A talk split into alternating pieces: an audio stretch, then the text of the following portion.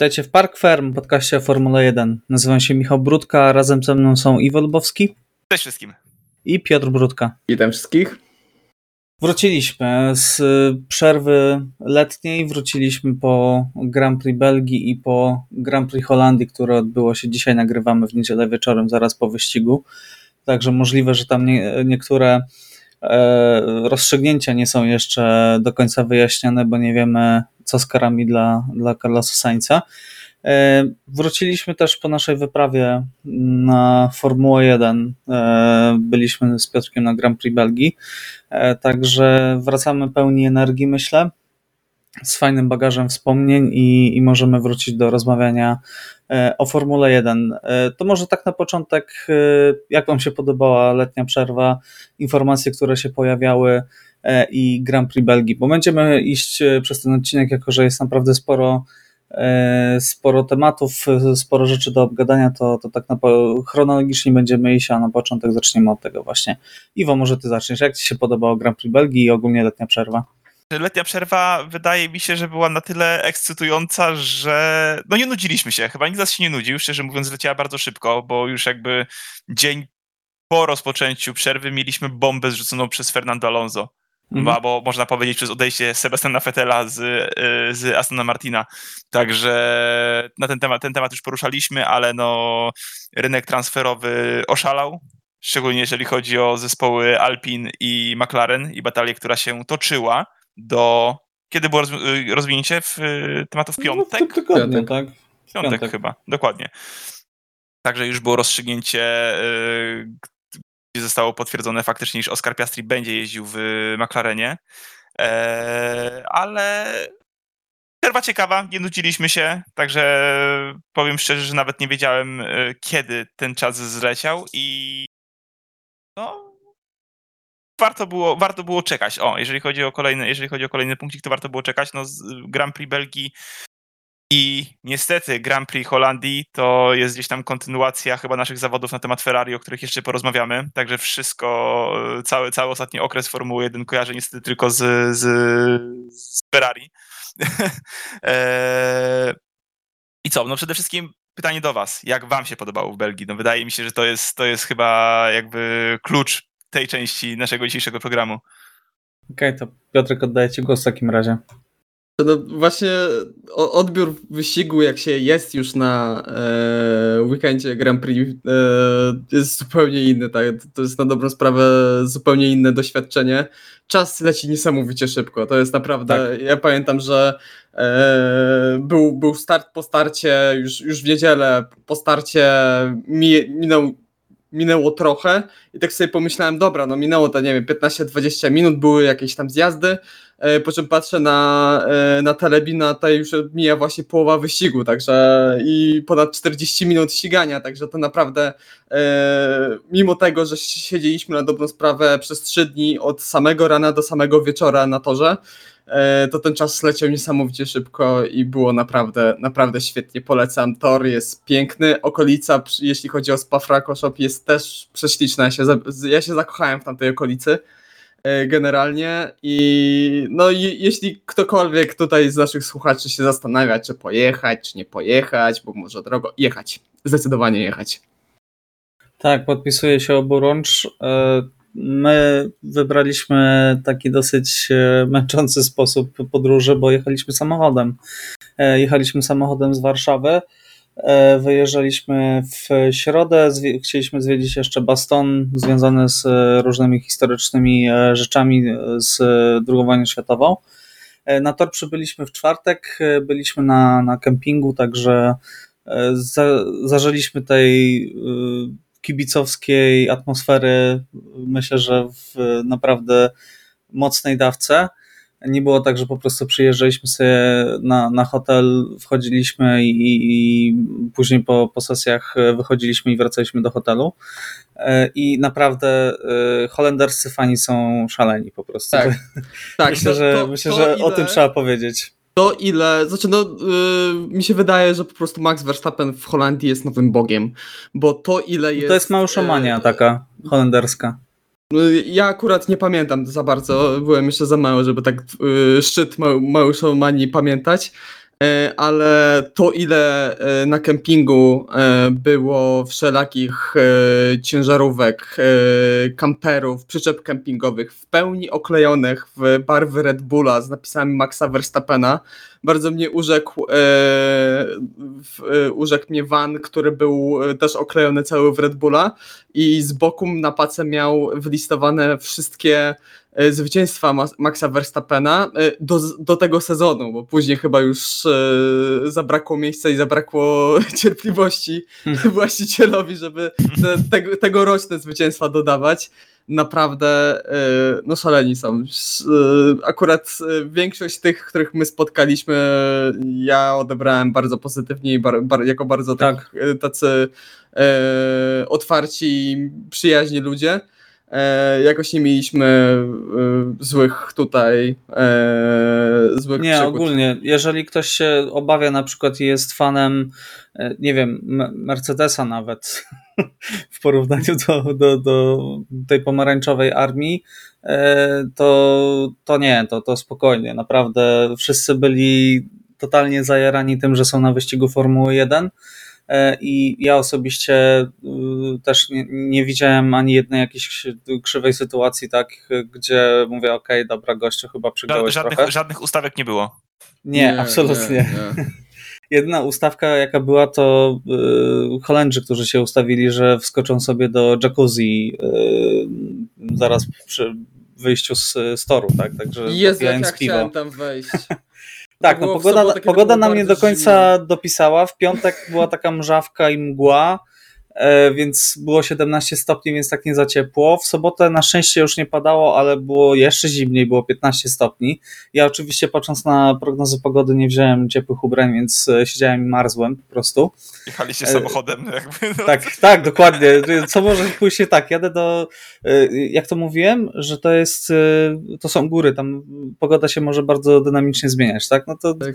jakieś zaćmienie miałem umysłu chyba przed tym, przy tym jak się pakowałem, albo byłem po prostu tak podjarany wyjazdem, że już przyćmiło to wszystko. E, tak, no I... ja, ja, generalnie byłem w szoku, że jestem lepiej przygotowany na ten wyjazd niż mój brat. Zazwyczaj no. to wygląda i jest na odwrót. No tak, ale, ale przeżyłem jak najbardziej i fantastyczne przeżycie. Natomiast y, co chciałbym jeszcze dodać, y, kilka takich y, fajnych sytuacji związanych z holenderskimi kibicami. Sobota, godzina 8.30. E, idę wzdłuż kempingu, e, żeby wejść przy końcówce e, prostej Kemel, tam przy szykanie Lecombe. Piotrek, Piotrek szedł, szedł trochę za mną i słyszę, jest taki wielki tir, dosłownie tir, w barwach oczywiście Red Bulla E, i e, leci na pełen regulator All I Want for Christmas is You. Także fantastyczna sprawa, e, totalnie szaleni kibice. Druga sytuacja już w niedzielę po wyścigu, jak siedzieliśmy w restauracji, no takiej restauracji powiedzmy, na kempingu stołówce e, w stołówce, o, to jest dobre słowo, w stołówce na kempingu, e, no totalne szaleństwo, tak, Supermax leciał średnio co 15 minut, e, ludzie wchodzili na stoły, tańczyli, Zresztą my też, może nie wchodziliśmy na stoły, ale jak najbardziej, tak przyznaję się, śpiewałem Supermaxa, no nie było innego wyjścia po prostu. Więc naprawdę mega pozytywnie i, i serdecznie, serdecznie polecam. No dobrze. Czy Piotr, chciałbyś coś jeszcze dodać odnośnie Belgii i atmosfery? Jakiś rad, nie wiem, może dla, dla ludzi, którzy myślą o wyjeździe na spa akurat?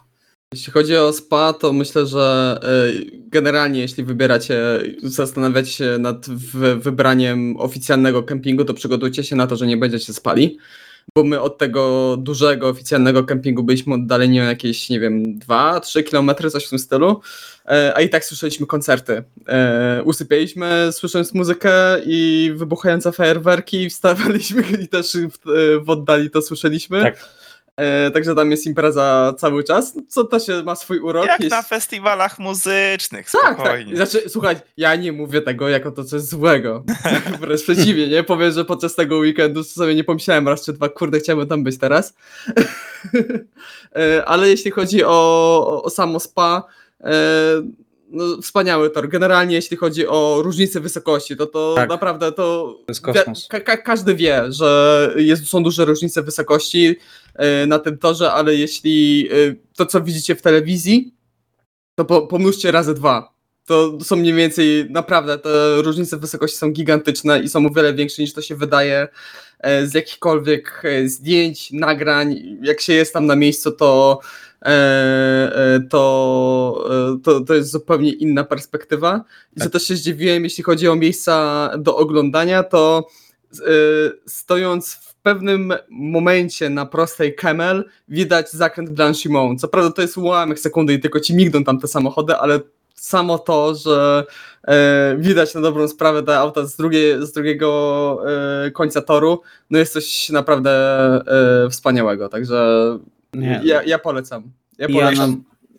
Tak? E, Pytanko jeszcze właśnie z mojej strony, bo to może interesować, mnie interesuje i pewnie kilku z naszych słuchaczy może też interesować. Jak kwestia telebimów, czy czuliście, że tracicie sporo wyścigu, będąc bezpośrednio w miejscu, w którym siedzieliście? Znaczy, szczerze powiedziawszy, zupełnie inna jest percepcja, tak? No bo, tak, bo zwłaszcza na początku wyścigu innego, przejeżdża prawda? ci cała stawka, tak? Tak. E, I później masz po prostu przez, nie wiem, półtorej minuty ciszę, tak, zupełną i możesz patrzeć. E, Jedyne, co mnie zaskoczyło, to to, że nie było pokazywanych różnic między kierowcami na telebimach e, Tak. czasowych. Ale można było wywnioskować samemu, tak, bo naprawdę nigdzie e, indziej nie możesz zauważyć, jak dany bolid po prostu, jak Verstappen z każdym okrążeniem po prostu mierzył stawkę. E, Widać po prostu, my mieliśmy widok od, e, na dobrą sprawę, wierzchołka pierwszego zakrętu aż do, no nie wiem, na początku Kemel, tak? Mieliśmy widok na całe Orusz i Radią i naprawdę widać, jak te różnice się zmieniają i bardzo łatwo to po prostu e, jakoś tam przeliczyć na sekundy, tak? Tak, no Natomiast po- poniżej- telebimy są e, i jak najbardziej nie, nie, nie, nie było tak, że nie wiedziałem, co się dzieje na torze. No, dobrze, no tak- chyba tak- to jest najważniejsze. Tak na dobrą sprawę poniżej 3 sekund to gołym okiem widać mm, dokładnie, czy różnica pomiędzy kierowcami się zmniejszyła bądź zwiększyła. E, No u nas było akurat o tyle tak trochę słabiej, że ten telebim mieliśmy dosyć daleko i był stosunkowo mały. I Mhm. szczerze powiedziawszy, e, w szczególności jeśli chodzi o kategorie juniorskie, gdzie ta czcionka jest trochę inna tych grafik, jeszcze tych starych, e, to momentami ciężko było rozczytać, e, który kierowca jest na którym miejscu. Tak, my mieliśmy miejsca dokładnie na trybunie Silver 5, jeżeli ktoś by był też zainteresowany tym szczegółem. Nie wiem, czy te, numeracje mogą się zmieniać, bo SPA ogólnie ma już zbudowało jedną trybunę wielką, a ma też rozbudowywać mocno te, te trybuny, bo zainteresowanie jest ogromne, E, ale, ale w tegorocznej numeracji byliśmy na trybunie Silver 5. Plus ja się szczerze powiedziawszy czasem łapałem, że y, wolałem sobie popatrzeć jak przyjeżdżają kierowcy z końca stawki po radią i o róż, e, niż tam się skupiać e, co, co się dzieje w czołówce. I No wiadomo, czasem, wiadomo. Czas, czasem na, patrzyłem na ten, na, na telebim, mu- dobra, co, co się wydarzyło przez ostatnie parę minut, bo sobie patrzyłem jak, jak bolidy jeżdżą. E, na Dodatkowo e, komentarz na miejscu był w kilku językach. E, Był i po e, francusku, i po angielsku, i po niemiecku, i chyba jeszcze w jednym języku. I przechodzili płynnie z jednego Tak. do drugiego, to było niesamowite akurat. Tak, oni między sobą, ro- jakby, że tak powiem, rozmawiali, tak? E, Jeden, jeden za drugim praktycznie komentowali, także e, jeżeli zna się po prostu przynajmniej komunikatywnie jeden z tych trzech języków, no to nawet jeżeli coś tam nie wyłapiesz, tak, nie zobaczysz, no to oni ci po prostu powiedzą, co się dzieje. Chyba, że kupisz za 100 euro oficjalne słuchawki F1, które Tak. podobno mają y, komentarz y, Tak. i odbierają. Także to też jest opcja. Droga, ale jest. Ja chciałbym tylko jeszcze dodać, że y, uzyskałem y, ogromną dozę respektu też do kierowców y, serii juniorskich, y, bo y, ogólnie oglądaliśmy właśnie w tym miejscu, o którym mówiłem, natomiast na przykład wyścig Formuły 2 w sobotę zobaczyliśmy już na końcówce prostej Camel, y, bo przerzedziło się i chcieliśmy po prostu zobaczyć też z innej perspektywy, tak? Bliższej Wyprzedz- wy, perspektywy. wy, wy, wyprzedzenia. Nie, to naprawdę powiem wam, że niesamowici są. Naprawdę niesamowici są. Percepcja prędkości, kiedy siedzisz jednak trochę bliżej e, bo mieliśmy, nie wiem, z 50 metrów do, do, na, do toru, tak, e, od trybuny, e, a tam jest dosłownie, nie wiem, z 10 metrów, tak, oni przejeżdżają dosłownie przed tobą. Wow, naprawdę wow. Szacunek i ciekaw jestem, jak to wygląda, kiedy oglądasz bolidy Formuły 1, które jeżdżą jeszcze szybciej. Już Porsche Super Cup, które też widzieliśmy wychodząc z toru w piątek, robiło ogromne wrażenie. Natomiast to jeszcze pewnie raz dwa albo razy trzy, jeżeli chodzi o doznania. E, I druga rzecz, e, którą, którą na pewno zapamiętam, e, kiedy stałem pod samym Orusz, to jest niewiarygodnie strome i to jest niesamowite, jak te bolidy nie wystrzeliwują po prostu w powietrze, tak, po, jadąc z taką prędkością i, i też ogromny szacunek, jaka to jest po prostu kosmiczna technologia, która utrzymuje te bolidy. Nie dość, że jadą nie wystrzeliwują, to jeszcze jadą z gazem w podłodze i jeszcze się wyprzedzają, tak? E, no wow, po prostu wow. Dobrze, to myślę, że chyba możemy, możemy powoli przejść do tego, co się działo w, przez weekend, a był to bardzo dziwny weekend. Weekend e, taki trochę w stylu Piotrek, do ciebie się zwrócę, 2015-16 e, rok, gdzie mieliśmy strasznie dużo kar. Ja już nie pamiętam, kiedy ostatni raz mieliśmy aż tyle kar Y, dla, y, dla zespołów, dla kierowców. Mieliśmy wymieszaną mocną stawkę, y, no ale ostatecznie nie wpłynęło to jakoś strasznie na wyniki, prawda? Tak, dokładnie. No, e, zabrałeś mi ten, e, to porównanie właśnie do tych sezonów 15-16, gdzie w szczególności McLaren wtedy przyjmował te niedorzeczne ilości kart. Tam, 65 miejsc w tak, tył. dokładnie, 60-70 miejsc w tył. E, tak tutaj też się te kary posypały. No, myślę, że Formuła 1 może się trochę zastanowić nad tym, e, czy to nie jest e, no bez sensu trochę, żeby może nie poluźnić trochę tych ograniczeń. Oczywiście dobrze, że idziemy w tym kierunku, dobrze, że to już nie jest takie wręcz patologiczne rozwiązania jak chociażby 20 lat temu, gdzie jeden silnik starczał na kwalifikację i później był po prostu wyrzucany. Gdzie to było z kolei przegięciem w drugą stronę jednak tutaj mocno się yy, poprzemieszało i też cały weekend był taki dosyć dziwny, bo yy, praktycznie każda sesja, jaką mieliśmy, była w innych warunkach. Pierwszy trening był tor wilgotny, który trochę przesychał. W drugim treningu zaczęło, zaczął trochę padać deszcz, pod koniec w ogóle mieliśmy mokre, mokre warunki.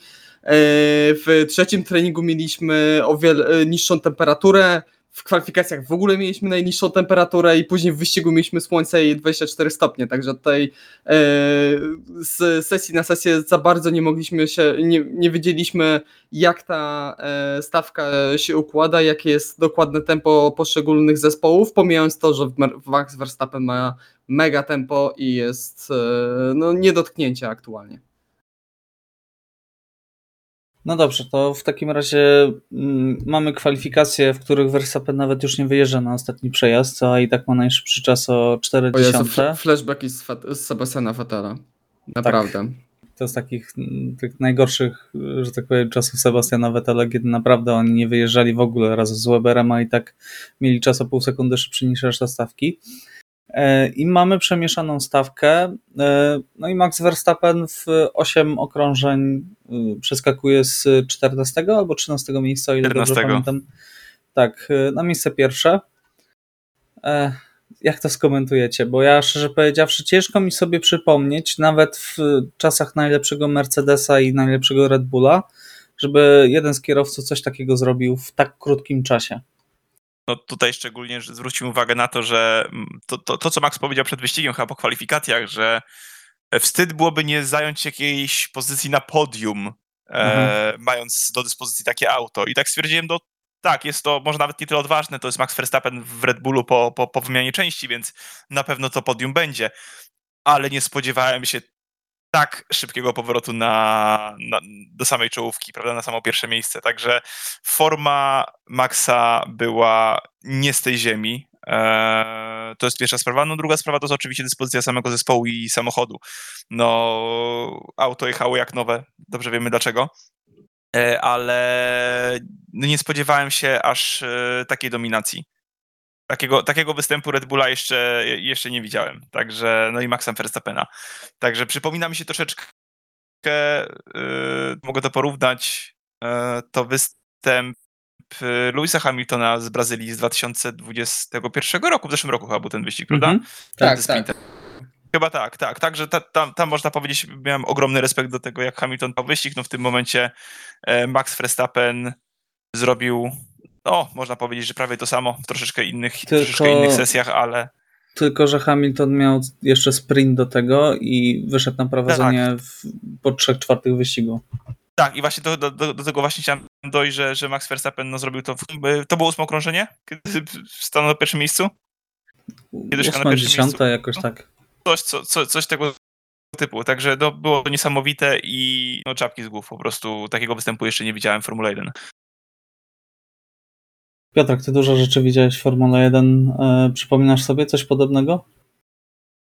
Mówię, no mi na dobrą sprawę się przypominają te czasy dominacji Sebastiana Vettela najgorsze, E, ale fakt, tak e, nie- spodziewałem się, że Max Verstappen e, szybko e, odzyska te wszystkie pozycje. Oczywiście te kary innych kierowców mu znacznie pomogły, bo e, weekend zaczynaliśmy z z informacją, że będzie startował z końca stawki. Koniec końców e, stanęło na e, 15 miejscu, tuż przed wyścigiem na 14 miejsce, E, ale tak czy inaczej, no nawet mógłby startować e, 20. On tak by ten wyścig wygrał. Gdyby nie miał żadnego kontaktu, to ten wyścig i tak i tak by wygrał. Także to myślę, że to jest e, jeden e, z takich e, e, no, najbardziej spektakularnych powrotów i takich najbardziej dominujących. E, Miejmy nadzieję, że takich obrazków będziemy oglądali jak najmniej, bo e, koniec końców e, no, do połowy wyścigu e, ten wyścig naprawdę wydaje mi się, że był naprawdę dość ciekawy. Mieliśmy dużo manewrów wyprzedzania, sporo te, tej akcji na torze było. E, No a to, że Max Verstappen tak szybko e, wyprzedził Carlosa Sainza, e, no trochę zabiło ten wyścig mimo wszystko. Myślę, że nie trochę, ale po prostu zabiło ten wyścig. Tak. Tak. E, Mogliśmy się pocieszać, że ok, Verstappen jest super szybki, ale przynajmniej minie większość wyścigu, zanim on dojedzie do czołowej trójki, tak? A on po prostu ich mijał, jakby jeździli w for- w Formule 2, a nie w Formule 1. Tak, no to, Więc- to takie trochę LMP2 kontra Hypercar w WEC-u. No to mniej więcej momentami tak wyglądało. Przy czym wydaje mi się, że ta prosta strefa DRS na prostej Camel e, była trochę zbyt długa. E, Trochę tutaj przegięli organizatorzy i powinni ją trochę skrócić e, przed przyszłym rokiem, bo e, no moment, w którym jest y, po prostu taka zwykła mijanka na tej prostej i kierowca jest w stanie, ten, który wyprzedza, jest w stanie wrócić na linię wyścigową przed y, punktem hamowania, no zabija trochę, wi- zabija widowisko i zabija atrakcyjność tych manewrów wyprzedzania. Ja nawet słyszałem pewne głosy z telewizji Sky, że są tory takie jak Spa, które w ogóle DRS-u nie potrzebują. E, I też warto by się nad tym zastanowić. Wiem, Piotrek, że jesteś, podpisujesz się oburącz pod tym i absolutnie jesteś za. Jestem ciekaw, co Iwo ma na ten temat do powiedzenia. Znaczy, ja. Hmm, ciężko mi powiedzieć. No, ja nie pamiętam czasów bez DRS-u. E, to tego chyba nie muszę już podkreślać, ale e, obawiam się, że przy takim rozstrzale e, wydajności, jeżeli chodzi o poszczególne, poszczególne zespoły, e, moglibyśmy dosyć szybko usypiać na niektórych wyścigach, bo no, pozostałoby liczenie na to, na co liczyłem dzisiaj na Zandvoort, czyli na samochód bezpieczeństwa, e, który ten wyścig był atrakcyjny. No tutaj chodzi właśnie o uatrakcyjnienie wyścigu. W momencie, kiedy mamy rozjechaną stawkę, kiedy kierowca już się oddala ponad tę sekundę, no to w niektórych przypadkach no, nie widzimy szansy na to, żeby on się ponownie do tego kierowcy z przodu zbliżył. E, mając ten DRS, no jest w stanie troszeczkę dłużej powalczyć, troszeczkę dłużej utrzymać się z tyłu i nawet jeżeli nie dojdzie do wyprzedzenia, no może zdarzy się cokolwiek. E, bez DRS-u no tej szansy już raczej mieć nie będziemy. E, więc e, DRS hmm, to jest strasznie ciężkie, to jest strasznie ciężkie. E, chciałbym oglądać wyścigi, które nie wymagałyby korzystania z DRS-u. Może tak to ujmę. Ale szczerze Mhm. mówiąc, aktualnie nie wyobrażam sobie, żeby tego DRS-u nie było. Okej. E, Moim zdaniem warto spróbować przynajmniej na Szczególnie, że jak Spa, właśnie co chcę powiedzieć, szczególnie, jest że to miejsce. y, tak jak wy zupełnie inaczej odbieraliście ten wyścig, jeżeli chodzi o SPA, które my oglądaliśmy przed te- telewizorem, ja autentycznie prawie zasnąłem, oglądając spa w telewizji. Naprawdę byłem na granicy uśnięcia. Do momentu, do samej końcówki, gdzie widziałem, co się dziwnego dzieje w zespole w czerwonych barwach, więc troszeczkę mnie to odwróciło, ale no dla mnie to był wyścig taki troszeczkę pod usypianko. Okej. Okay. No, my nie usypialiśmy. No, nie, to zdecydowanie. Po, pod koniec to już raczej było, co prawda, pod koniec to już raczej było takie zadawanie sobie pytania, czy wpuszczą ludzi na tor. E, I tak wpuścili ludzi na tor. E, siedzieliśmy Szuka, sobie... Szukałem was, szukałem was, czy biegniecie gdzieś tam. Nie, nie, nie biegliśmy pod podium, bo tam jest naprawdę mocno pod górę. I jest, mieliśmy spory kawałek pod podium, poza tym wszyscy się tam rzucili, a nas głównie obchodziło radią, tak? Więc tam wskoczyliśmy. Mieliśmy jeszcze jedną fajną sytuację, o której nie powiedzieliśmy. Był gość, który siedzieliśmy sobie właśnie na tej trawie na prawo od radią mniej więcej w połowie wysokości zakrętu, tak? Sobie siedzimy, chillujemy, tak? I nagle gość po naszej prawej wstaje, biegnie w stronę tej, tego asfaltu, który jest przy bandzie na prawo jeszcze. I patrzę, że podjeżdża laweta z, ze zniszczonym bolidem Mercedesa Louisa Hamiltona. I on wyskakuje, i tak wiesz, pacnął ten bolid i wielce zadowolony, tak, dotknąłem bolid Hamiltona i zbija sobie piątkę ze wszystkimi, także absolutnie pasjonaci i sam żałowałem, że, że tego nie zrobiłem, Piotrek zresztą też, tak. I kara za naruszenie park fermy. Oj. Jemu już nie zaszkodziło. Nie, nie, to bardziej kary się należały kibicom, którzy robili demontaż wszystkich band reklamowych i brali je sobie albo kładli je sobie na głowę, albo szli z nimi pod pachę, a później zjeżdżali z góry z radią, tak, na tych bandach, także Widziałem też trzech gości, którzy zerwali bandę hashtag Belgian Grand Prix i robili sobie fotkę pamiątkową, także różne rzeczy tam się działy, naprawdę. Grand Prix, które się odbyło. Tak, dokładnie. E, no dobrze. E, porozmawiajmy może o tym, czy nowe regulacje zaszkodziły Ferrari, e, wydaje się, że zaszkodziły, to widzieliśmy też dzisiaj, od razu możemy zahaczyć trochę o Zandvoort. Czytałem już nawet opinię, że te nowe regulacje bardzo uderzyły w Ferrari, zwłaszcza w tempie wyścigowym. Samochód się zaczął przegrzewać i to okno, w którym pracował ten bolid perfekcyjnie, tak, znacznie się pomniejszyło, a to jest zawsze bardzo zły znak. Także czy, co, się, co się ogólnie dzieje waszym zdaniem w Ferrari? Czy to już jest taki wiemy, że nie dogonimy Red Bulla i ten sezon już na dobrą sprawę mógłby się zakończyć? Stąd tyle błędów, czy, czy jednak no co waszym zdaniem może się innego dziać w zespole? Bo ja tylko takie, takie wyjaśnienie tutaj widzę.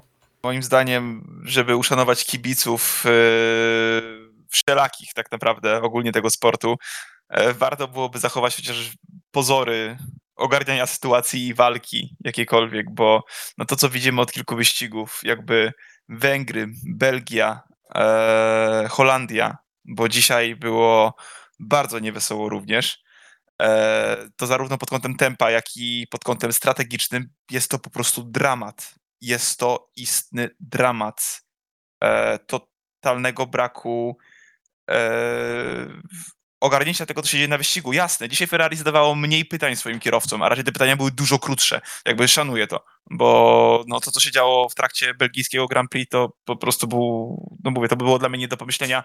E, składać zapytania e, wielo, wielo, wielokrotnie złożone. E, kierowcy, który, który, który, który się ściga i walczy o to, żeby zrobić jak najszybsze okrążenie.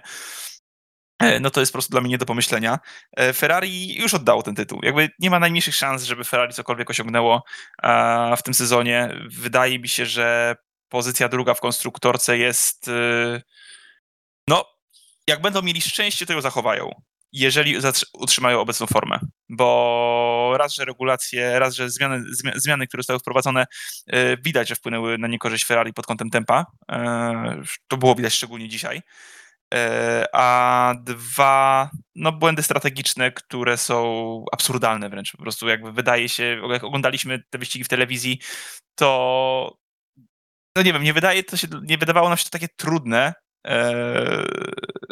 co można zrobić, co, co można zrobić na torze, żeby tę sytuację poprawić tych kierowców. No jakby nie ogarniam tego, nie rozumiem tego, nie wiem dlaczego tak się dzieje. To jest dla mnie totalnie nie, wytu- nie do wytłumaczenia. Ani razu nie przeknąłem. Prawda. A jak wiemy, kiedy zaczyna się temat Ferrari, Ima ma z tym problem w No ostatnim ja czasie. ostatnio, tak, po Węgrzech, po Węgrzech po prostu ja na węgierskim Grand Prix już pękłem. Coś we mnie pękło po prostu. Tam bo wylało. Tak jest. E, Piotrek, to, to, to może jakiś głos, głos inny, albo w pełni się zgadzasz, co tam Jak się inny? dzieje? Przecież oglądamy te Ja same już- wyścigi. Nie, ja już, ja już nie jestem tu najtwardszym tifozi, który jeszcze wierzy. Eee, to, podobnie jak Iwo, to Grand Prix Węgier. Ja w sercu, ja miałem naprawdę, totalnie- jeszcze tylko powiem, głęboko w sercu, jak gdzieś mi się tliła ta, ta, ta nadzieja i ten, ten ogień Ferrari, że, że, że chcę im kibicować. No ale to już się wypaliło, po prostu to już się wypaliło. Tak, no u mnie to dosyć podobnie to wygląda, że już teraz e, błędy Ferrari nie tyle co mnie irytują, jakoś smucą, tylko po prostu mnie bawią, bo to jest naprawdę niedorzeczne to, co robi ten zespół. E, bo posypali się kompletnie. No Tutaj oczywiście ta e, regulacja techniczna e, pojawił się w Mercedesie ten kontrowersyjny pałąk łączący e, podłogę z sidepodem, który już widzieliśmy w, przy okazji Grand Prix Kanady. E, No i wygląda na to, że Mercedes ma trochę lepsze tempo, chociaż no właśnie, no Mercedes też ma strasznie wąskie tempo, e, znaczy wąskie okno e, działania tego bolidu. E, Co też pokazało Grand Prix, e, Grand Prix właśnie Belgii, gdzie no, Kwalifikacje, tak? Gdzie byli, Dokładnie. nie istnieli, po prostu byli wolniejsi od Alpin. Tam były prawie dwie sekundy, tam było chyba 1,8 sekundy do Verstappena od Hamiltona, prawda? No, Co było Wolf mówił, że to było najgorsze ich kwalifikacja od 10 lat. Tak, no do, dokładnie. Było już e, mówione, że w ogóle porzucają projekt tego samochodu, że w ogóle gdzieś go schowają w hangarze. Taka typowa drama kręcona przez Toto Wolfa.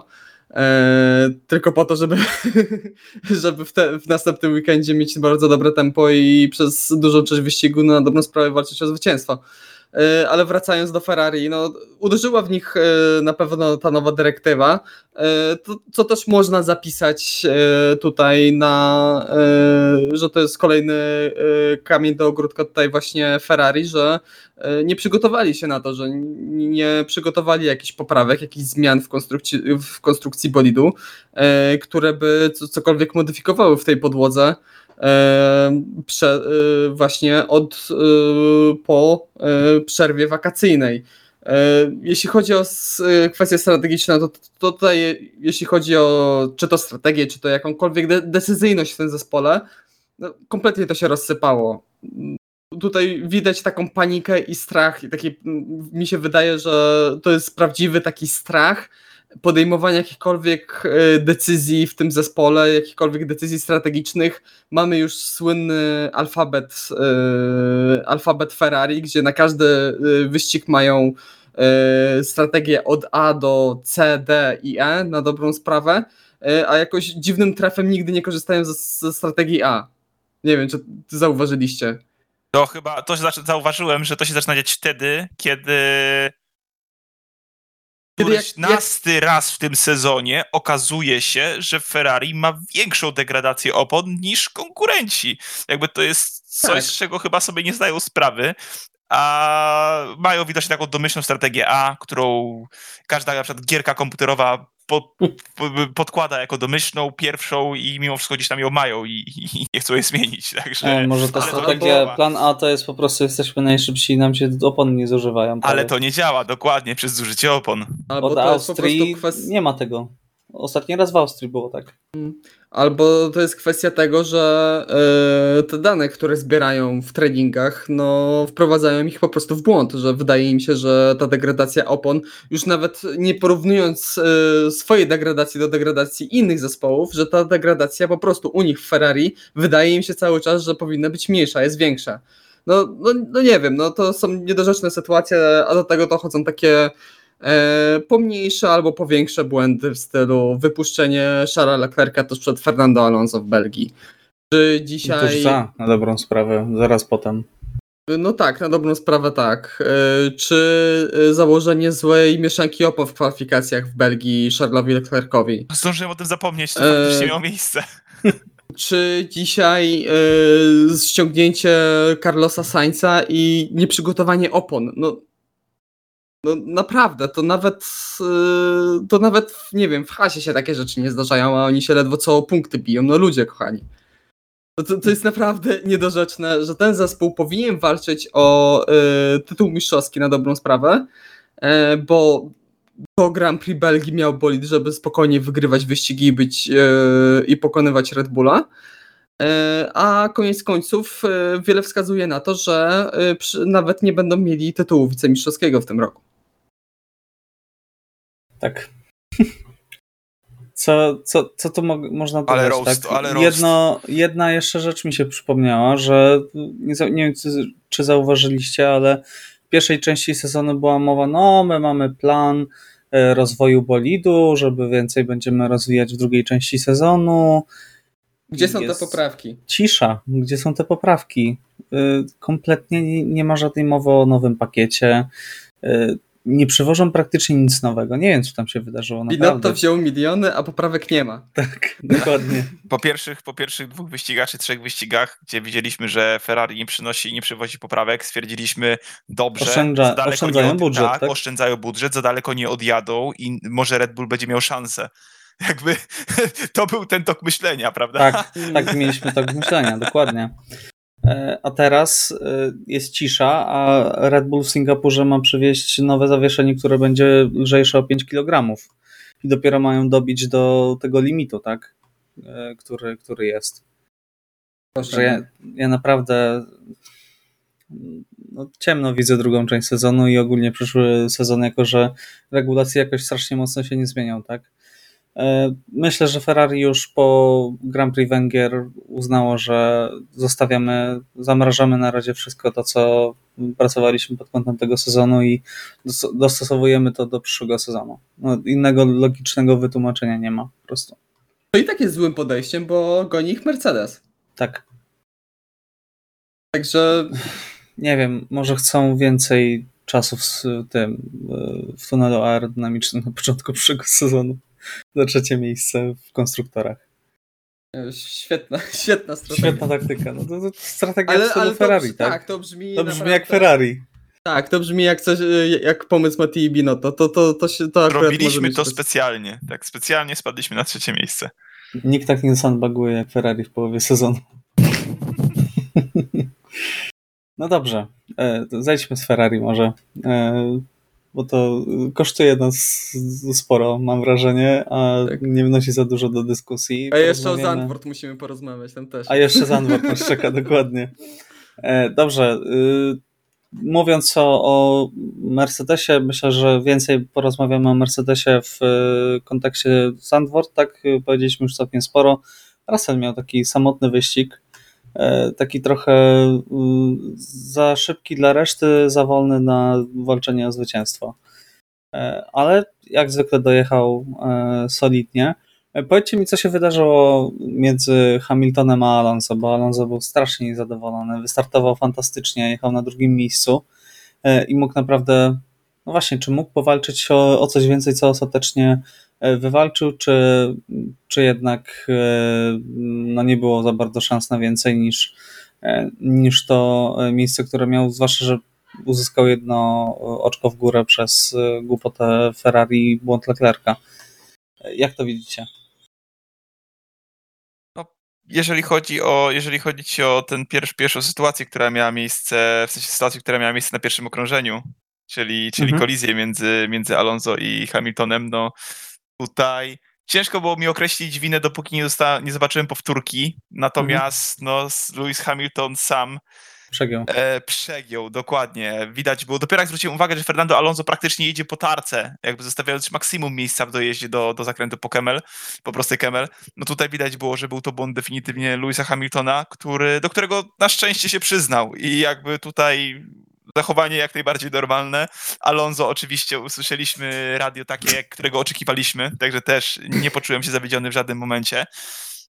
E, ale no już taka sytuacja na pierwszym okrążeniu może troszeczkę, może troszeczkę wywrócić e, sytuację e, danemu kierowcy i no szczerze mówiąc piąta lokata, mając przed sobą same no, szybsze zespoły tabelowo, uważam, że jest jak najbardziej dobrym wynikiem, szczególnie, że Alpin zarówno Fernando Alonso, jak i Esteban Ocon pojechali naprawdę bardzo dobry wyścig jakby to spa uważam, że było jednym z najlepszych występów e, tego zespołu, a przede wszystkim chyba najlepszy występ Estebana Okona w tym sezonie, e, tak biorąc pod mm. uwagę akcję na torze. Tak, zdecydowanie. Okon tutaj naprawdę poszalał, w szczególności ten manewr wyprzedzania, gdzie na prostej Kemel e, zyskał dwie pozycje.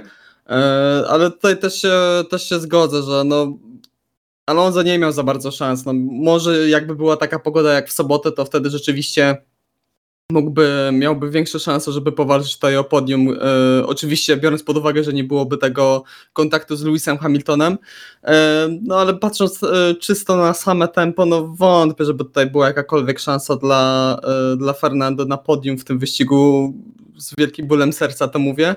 E, no ale szkoda, że się skończyło tak jak, e, tak jak się skończyło, bo wydaje mi się, że e, byłaby bardzo ciekawa, ciekawe widowisko, jak Fernando by bronił tych pozycji zarówno tutaj przeciwko Luisowi, który by nie wjechał w Fernando, no i, i później e, pojedynek pomiędzy Fernanda a George'em Russellem. Myślę, że też to byłoby dosyć e, dobre widowisko, a niestety zostaliśmy tego pozbawieni.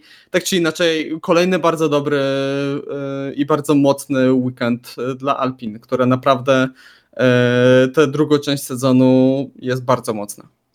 No tak, Alpin w konstruktorach mocno odjechało. Tak spojrzałem teraz, jak mówiłeś na Misa Alonso, i po fatalnym początku sezonu, gdzie był dziewiąty w Bahrajnie, później dwa wyścigi nieukończone i dwa wyścigi bez punktów, od Hiszpanii e, Alonso cały czas w punktach, e, dwa piąte miejsca, e, szóste miejsce we Francji, dwa siódme miejsca w Monako i w Azerbejdżanie, także Alpin naprawdę od tej europejskiej części sezonu no imponuje, tak? Mówiliśmy, że to jest bolid, który nie zawsze świetnie sobie radzi we wszystkich warunkach, a jednak odstawili dosyć mocno McLarena. To jest w tym momencie, już mówię tutaj na stan po Zandvoort, 24 punkty przewagi, tak? E, no biorąc pod uwagę, że Alpin ma 125, a McLaren 101, to jest naprawdę bardzo duża przewaga. No i przede wszystkim punktowe przebudzenie Fernando, prawda? No tak. wcześniej Esteban Ocon odstawiał Alonso. No, dwa razy więcej punktów miał. Dokładnie, a teraz mamy ile? 66? 7 punktów róż, różnicy. 59, dokładnie, mhm. dokładnie tak. I jeszcze na korzyść Okona. Jak się skończy, no moim zdaniem będzie bardzo blisko. Biorąc pod uwagę dyspozycję obu kierowców, będzie bardzo blisko. Ale zobaczymy. Biorąc pod uwagę sytuację kontraktową, myślę, że mm. jednak Okon będzie czo- yy, Będzie preferowany pewnie w garażu. Tak, będzie tak. preferowany, a myślę, że y, Alonso się dwa razy mocniej y, zmotywuje, żeby pokazać dodatkowo panu Rossiemu, że y, podjął złą decyzję, że nie chciał mu dać przynajmniej dwuletniego kontraktu. No dobrze, to porozmawiamy w takim razie. Czy chcielibyście coś dodać jeszcze odnośnie Grand Prix Belgii? Ja chciałbym e, wyróżnić Mika Schumachera, który e, w Orusz i Radion e, wyprzedził Nicolas Latifiego. Latifiego, tak. Manewr z końca stawki, ale jestem bardzo wdzięczny, że zobaczyłem tak, wyprzedzenie w tym naprawdę. zakręcie. Dzięki Mik. Wow, naprawdę wow. Trzeba mieć naprawdę nerwy za stali, żeby coś takiego zrobić. E, I, I, myślę, że tyle tak z mojej strony. Ja chciałbym po, yy, pochwalić Aleksa Albona. Tak jest, właśnie, to sam chciałem powiedzieć. Za, za cały weekend, z, przede wszystkim na początku za bardzo dobre kwalifikacje, dostał się do Q3, jeśli dobrze pamiętam. Tak jest. E, no i później dowiózł ten e, legendarny jeden punkt, e, który wiadomo, że w Williamsie się nie przelewa, tych punktów za dużo nie ma, ale każdy jeden e, taki wyścig, tu, który kończą w pierwszej dziesiątce, myślę, że to jest e, no, moment do, do, do, do świętowania dla nich. No zaraz Alex Albon będzie mógł wyprzedzić Lansa Strolla w punktach. No dzisiaj Lans go wyprzedził, bo mieli po tyle samo po Grand Prix Belgii. A, faktycznie, tak, nie zwróciłem tak. na to uwagi, bo Aston był wyjątkowo mocny. Tak, o czym za chwilkę też porozmawiamy, tak. ale najpierw e, Iwo, chciałbyś coś jeszcze dodać? Czy, czy zamykamy Belgię? Nie, to właśnie chciałem dać Alex Albona jeszcze. Myślałem, że gdzieś, gdzieś tam umknie tak, że Belgię zamykamy. Cieszę się przede wszystkim, że wam się ten wyścig bardziej podobał niż y, nam przed telewizorami, ale no to jest chyba najlepszy dowód na to, że warto pojechać na wyścig. Tak, I na że. Belgia zostaje w kalendarzu przynajmniej na przyszły rok. Co też jest bardzo dobrą informacją. Super. E, Dobrze, to porozmawiamy teraz o zamieszaniu kontraktowym. Komisja stanęła po stronie McLarena. E, Piastri oficjalnie w McLarenie na 2023 rok. E, je- Jestem podjarany, szczerze powiedziawszy. Czekam na ten duet Piastri-Norris. Norris nie będzie już tym nowicjuszem. Musi tutaj, będzie tym bardziej doświadczonym. Jestem bardzo ciekaw, jak wypadnie w zestawieniu z Piastrim, który jednak jest trochę innym charakterem, tak? Z tego co słyszałem, on jest taki bardziej spokojny, analityczny, a, a mm, jest mniejszym lekko duchem niż, e, niż e, Lando. E, Jak, e, jak to skomentujecie? Piotrek, może tobie na początku dam e, głos, bo, e, bo było tam całkiem sporo e, zamieszania i takich e, niezdrowych sytuacji, co już wyszło na jaw, o dziwo. Tak, no myślę, że tak za- zaczynając to, to czego się dowiedzieliśmy, e, zaczynając od początku, e, generalnie wie, w, wielu fanów też ko- koniec końców mi również na początku się wydawało, że e, cały ten ruch Oscara Piastriego został wywołany w dużej mierze przez odejście Fernando Alonso. e, z Alpin, ale okazało się, że e, Oscar Piastri dogadał się z e, McLarenem już e, znacznie wcześniej. Dogadał się, podpi- pierwsze dokumenty zostały podpisane 4 lipca, E, co też pokazuje, jak e, bardzo niemiło się zachował McLaren w stosunku do Daniela Ricciardo, który ma wyniki jakie ma, e, ale ten jego słynny już e, post na, e, w social mediach, e, który mówi, że e, jest ciężko, ale w przyszłym sezonie będzie nadal z McLarenem, został wypuszczony 14 lipca, także 10 dni po tym, jak już Oscar Piastri został podpisany e, przez McLarena, także no tutaj e, po raz kolejny wychodzi dwulicowość zespołu w tym sporcie. E, także No brak E, sentymentów. tak, no wiadomo, brak sentymentów, tym bardziej, że jest u nich, że zbyt długo u nich nie jest, także, e, także tutaj Daniel Ricciardo może, może się poczuć e, niesprawiedliwie potraktowany.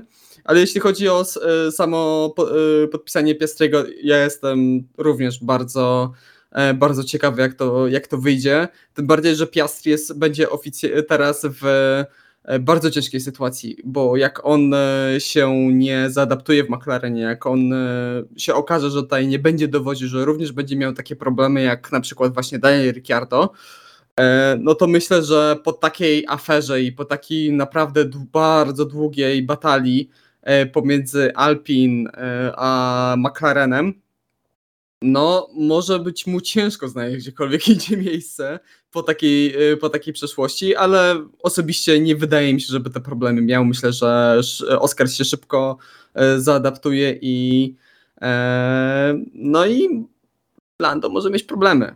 Ja tak t- tak strasznie wcześnie dam taką tezę na przyszły sezon.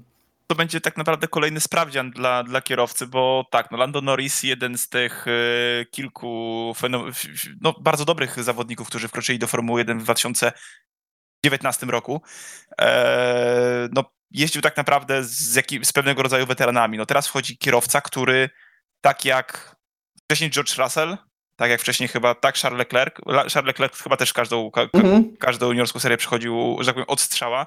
No w tym momencie ma Oscara Piastriego, który no przynajmniej wstępnie zapowiada się na kierowcę tego, ty, tej kategorii. E, I no ciekawie będzie zobaczyć, naprawdę modą krew i kierowcę, który jest e, bardzo uzdolniony, co ud- udowodnił. Teraz pytanie, czy no, udowodni to w McLarenie.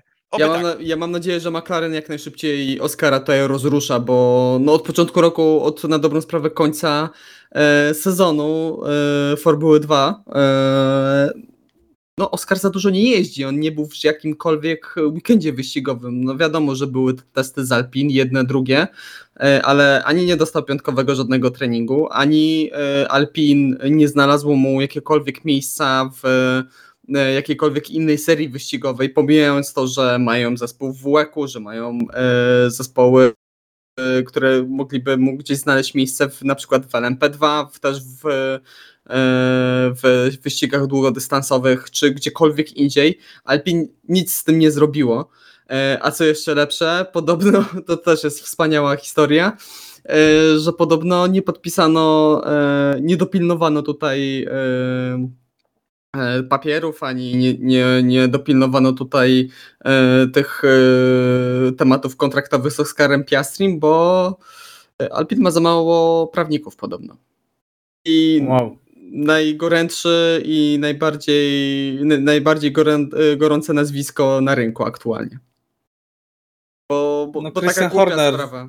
Christian Horner został zapytany po, po wyścigu, czy nie boi się trochę czy nie stracił wiary w e, systemy właśnie juniorskie po tej całym aferze z Piastrim. E, powiedział, nie, mamy porządek w papierach, nasze umowy są ok. Także... E, ja myślę, że to też bardzo wymowne było komunik- ten post ZU, który mhm. gratulował Piastriemu, że się stamtąd wyrwał. Tak. Także to też, bo no, Zu też był juniorem e, e, Renault, także to pokazuje, że w tym e, programie juniorskim coś jest bardzo, ale to bardzo nie tak. Chyba jeszcze to może być jeszcze bardziej toksyczny program juniorski niż program Red Bulla, a to jest bardzo duże osiągnięcie. Nie no, nie, nie rozpędzaj się, może nie jest aż tak źle. No jak kierowcy się cieszą, że, stamtąd, że są zwolnieni stamtąd, no to... Okej, okay, dobra. E, no dobrze, to, to, to może przejdźmy tylko już na szybko, bo naprawdę rozmawiamy prawie, prawie godzinę, mam jeszcze Zandwór do omówienia. E, Gasly e, jest łączony z Alpin i to już jest oficjalne powiedziane, że są, prowadzą rozmowę. Jak skomentujecie to i co dalej z danym Ricciardo? Dzisiaj pojawiła się taka przebitka jego rozmowy z Perezem, który mówi, że wspomina, żeby zrobić sobie przerwę na 2023 i wrócić w 2024. E, I co z hasem, ponieważ e, Mick Schumacher wypisuje się z, e, z programu juniorskiego Ferrari, z, ze związków z Ferrari i co dalej z jego karierą na dobrą sprawę, bo jego miejsce absolutnie nie jest pewne. No i jeżeli Gasly do Alpin, no to powiedzcie, jak tam wygląda sytuacja z Coltonem Hertą, bo to też jest ciekawa sprawa. E, sporo tego zamieszania na rynku transferowym, prawda? Tak, zgadza się. No tutaj przede wszystkim e, co ciekawe, kolejny jest e, sytuacja z Pierem Gaslim ogólnie jest kolejnym dowodem na to, że nie ma kontraktów, których nie można tutaj złamać tak naprawdę, których nie można unieważnić, ponieważ zanim Pierre Gasly został e, potwierdzony jako kierowca na kolejny sezon w, Alfa, w Alfie Tauri. Miał chyba klauzulę, która pozwala na to, że będzie mógł przejść do zespołu, e, które z, znajduje się wyżej w konstruktorce, prawda? Chyba tak to mhm. wyglądało. Tak, tak, tak. Po podpisaniu tego kontraktu na, na kolejny rok, e, no już e, ta opcja stała się teoretycznie oczywiście niemożliwa. Natomiast no, dla Alpin Pierre Gasly myślę, że może być łakomym kąskiem, mimo słabego sezonu, tylko że widzimy, że to jest słaby sezon całego zespołu, nie tylko Pierre'a Gasly'ego. Eee, no na pewno raz, że nie mają co wybrzydzać, to jest pierwsza hmm. sprawa. Dwa, e, jest to kierowca, który przez dwa ostatnie, dwa poprzednie sezony bardzo mocno się bronił i tam uważam, że powinien dostać szansę w zespole, w zespole lepszym, a Alpin bez wątpienia takim zespołem jest. Więc y, no ciekawie. Y, cały garaż będzie mógł mówić po francusku. Y, na, pewno, na pewno marketingowo też to się dla Alpin w jakiś sposób będzie zgadzało. No tylko samochód służbowy dla, dla Piera będzie gorszy, no ale co zrobić, no coś za coś. Okonowi ja jestem... się to bardzo nie podoba. Chciałem tylko wtrącić, on mówi, że no Mick Schumacher jest świetnym kierowcą. Ja, ja się Okonowi nie dziwię, że się boi, boi tutaj Pierre Gastiego, bo to wydaje się, że to jest e, no, znacznie lepszy kierowca niż Mick Schumacher z całym, z całym szacunkiem tutaj do Mika. E, także ja mu się kompletnie nie dziwię, że tutaj naciska, żeby jednak Mika podpisali. Ale o, oni się chyba też nie lubią, prawda? Od, y, tam już nie pamiętam z czego to wynikało. Kiedyś czytałem wiem. jakiś artykuł, że, że chyba Esteban Ocon i Pierre Gasly się nie lubią. E, nie pamiętam dlaczego, ale, ale, ale, ale, ale będę musiał gdzieś na te informacje nadrobić, bo, bo jestem ciekaw, co by się działo, jeżeli faktycznie Alpin ich połączy. E, ja trzymam kciuki po prostu za to, żeby Pierre Gasly trafił do lepszego zespołu. Jeżeli ma to być Alpin, chęcią to przyjmę. Tylko pytanie, co dalej? Tak, no ja się jeszcze powiedziawszy kompletnie nie spodziewałem tego ruchu. Myślałem, że nawet jak pojawiały się te plotki, to myślałem, że one, no, że to są po prostu takie łączenie i właśnie ten kontrakt Pierre Gasly'ego będzie o wiele mocniejszy e, niż mi się wydawało, a rzeczywiście dla Alpin wydaje się, że to jest aktualnie no, po prostu najlepsza możliwa opcja na rynku. Okej, okay. a Colton Herta w takim razie? Mi się to, to też jest zamieszanie. Mi się szczerze powiedziawszy nie podoba sytuacja, jeśli chodzi o superlicencję Coltona Herty. E, to, bo... to może przybliż, bo nie, nie, wszyscy pewnie o tym wiedzą. Tak, no Colton Herta generalnie nie ma punktów, e, żeby otrzymać superlicencję. Jest, od... jest kierowcą IndyCar, tak? Tak. Punktów jest... ma 32, a superlicencja jest od 40. Tak, dokładnie. E, I po prostu nie ma nagromadzonych tych punktów. Oczywiście tutaj możemy dyskutować, czy te punkty są przyznawane w właściwy sposób, bo za zwycięstwo w IndyCar dostajemy 40 punktów E, i jest to tyle samo punktów, co za mistrzostwo w Formule 2. No i możemy tutaj zacząć dyskutować, czy to jest sprawiedliwe, bo na przykład za drugie miejsce w Indykarze dostajemy 30 punktów, a za trzecie miejsce w Indykarze dostajemy 20 punktów, a za top 3, wszystkie trzy pierwsze miejsca na podium klasyfikacji e, na koniec sezonu w Formule 2 dostają po 40 punktów. Także tutaj okay. możemy się zacząć dyskutować i moim zdaniem tutaj powinniśmy, e, po, powinno FIA się trochę zastanowić e, nad, e, nad tymi, nad przyznawaniem tych punktów superlicencji e, i właśnie na przykład IndyCar, e, serię IndyCar dać więcej tych punktów do superlicencji, bo no, bądź, bądź co bądź jest to moim zdaniem e, seria o wyższym poziomie niż, niż Formuła 2. Ale no ma być e, wyjątek, ma być to podkładka pod to, że e, no Colton Herta nie był w stanie zdobyć tylu punktów e, przez pandemię COVID-19. Co Oj, dla mnie, na pewno, co, I przez to, że było mniej czasów na testy i mniej czasów na treningi i mniej czasów, żeby pozdobywał te punkty w innych seriach. Także to jest takie strasznie słabe moim zdaniem uargumentowanie. I mi się to nie podoba. Albo zmieniamy regulamin i trzymamy się tego regulaminu, bo generalnie e, moim zdaniem ten system punktowy działa naprawdę dobrze. Tylko e, e, samo wprowadzenie tego jest krokiem, było krokiem w bardzo dobrym kierunku i mamy o wiele mniej takich, można powiedzieć, dość przypadkowych kierowców w Formule 1 niż to by miało miejsce w przeszłości, ale no nie róbmy wyjątku tylko i wyłącznie dlatego, bo przyjdzie kierowca ze Stanów Zjednoczonych i to będzie bardzo medialne no właśnie, w tamtej części świata. To jest, to jest myślę, że tutaj główny taki wytrych, który sprawi, że Herta dostanie tą superlicencję. Będziemy mieć w przyszłym roku trzy wyścigi w Stanach Zjednoczonych i Amerykanie chcą mieć swojego po prostu, tak, przedstawiciela. Ja też jestem absolutnie przeciwny temu, żeby naginać zasady. Natomiast y, z tego co słyszałem, był opór zespołów, ale tego oporu już nie ma i bardzo możliwe, że w przyszłym tygodniu, jeszcze przed Grand Prix Włoch, y, FIA wyda pozytywną y, opinię i Herta dostanie superlicencję i będzie ogłoszone w Alfie Tauri na przyszły rok.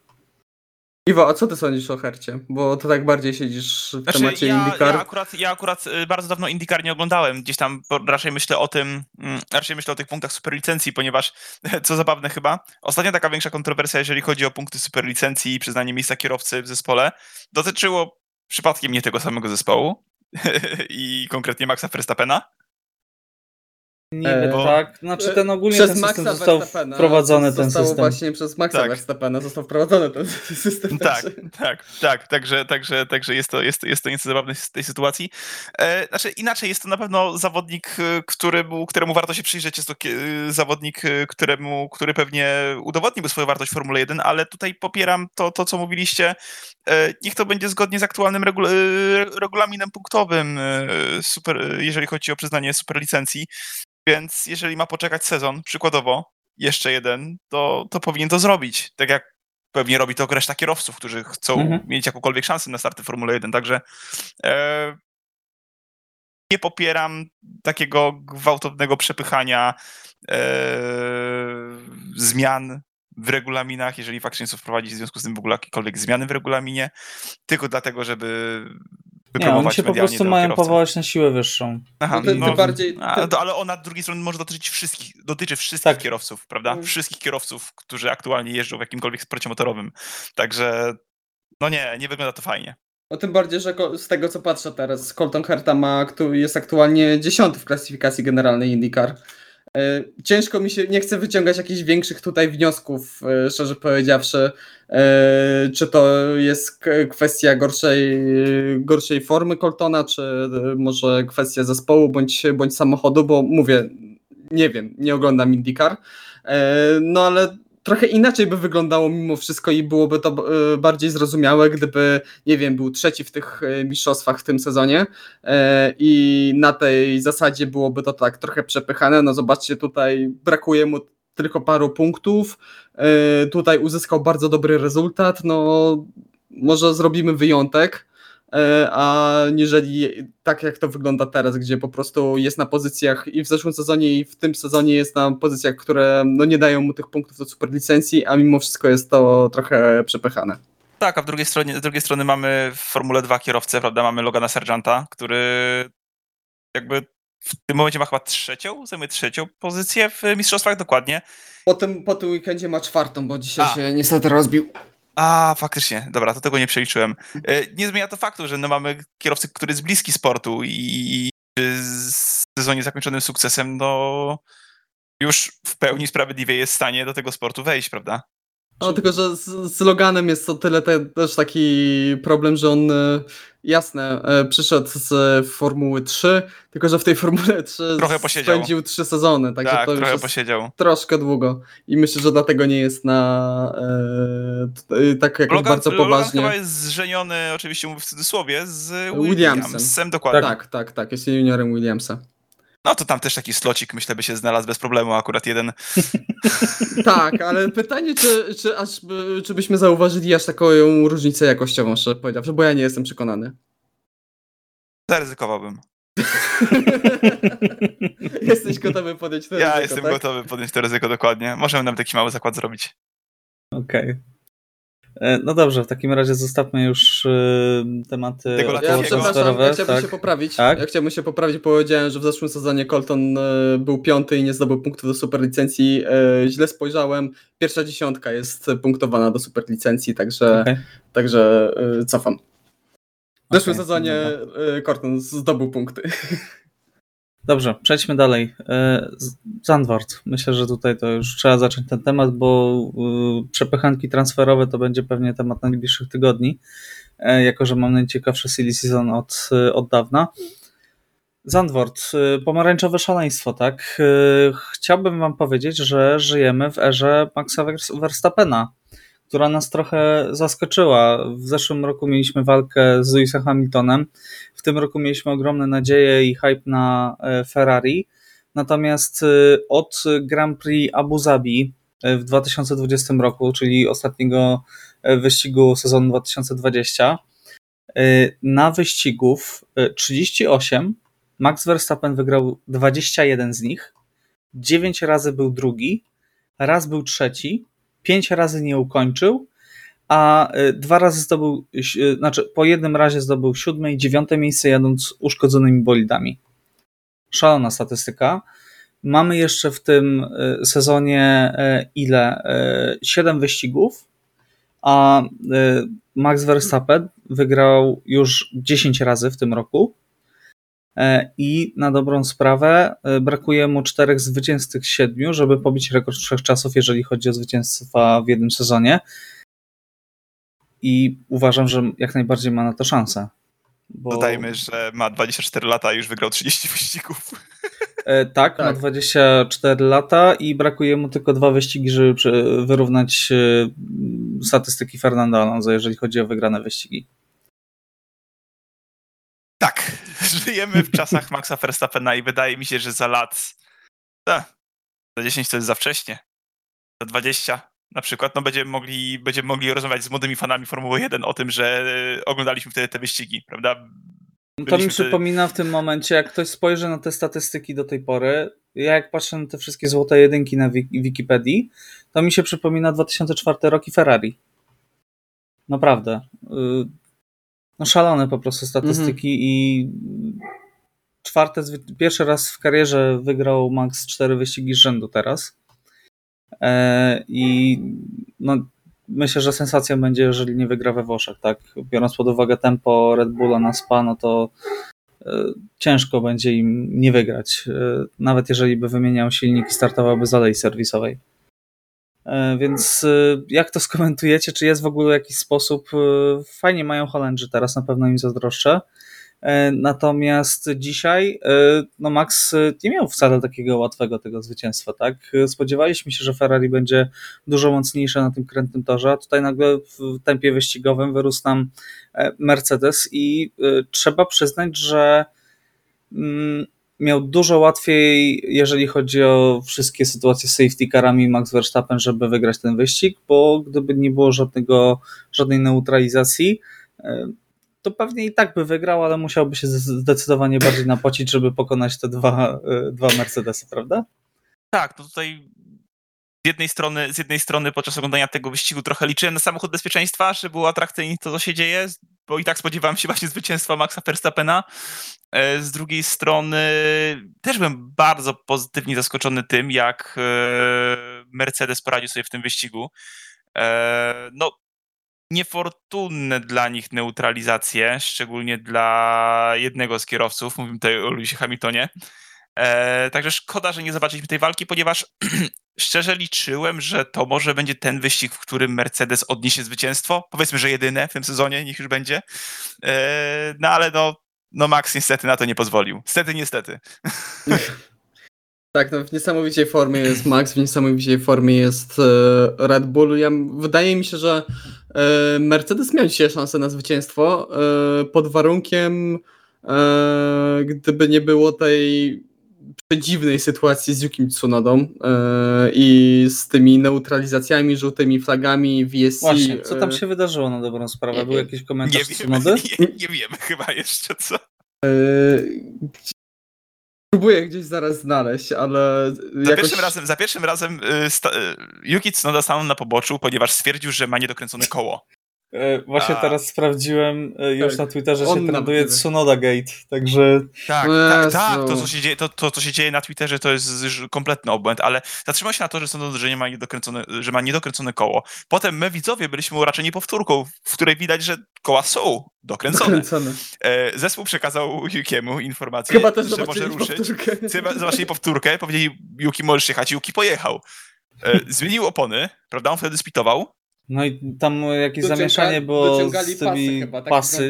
tak, Pierwszy raz coś takiego widziałem naprawdę. i potem No i zaraz potem tak, zatrzymał się na torze, tak? Patrząc tak. na wypowiedź Yukiego Tsunody po wyścigu, on, on też nie wie, co się tam wydarzyło i co było nie tak. Po prostu czuł, że coś jest nie tak z samochodem.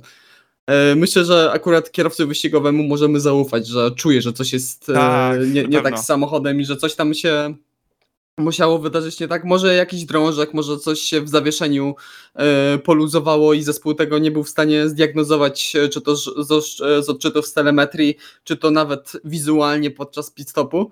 E, No ale tutaj była przedziwna sytuacja. Pierwszy raz w życiu coś takiego widziałem naprawdę.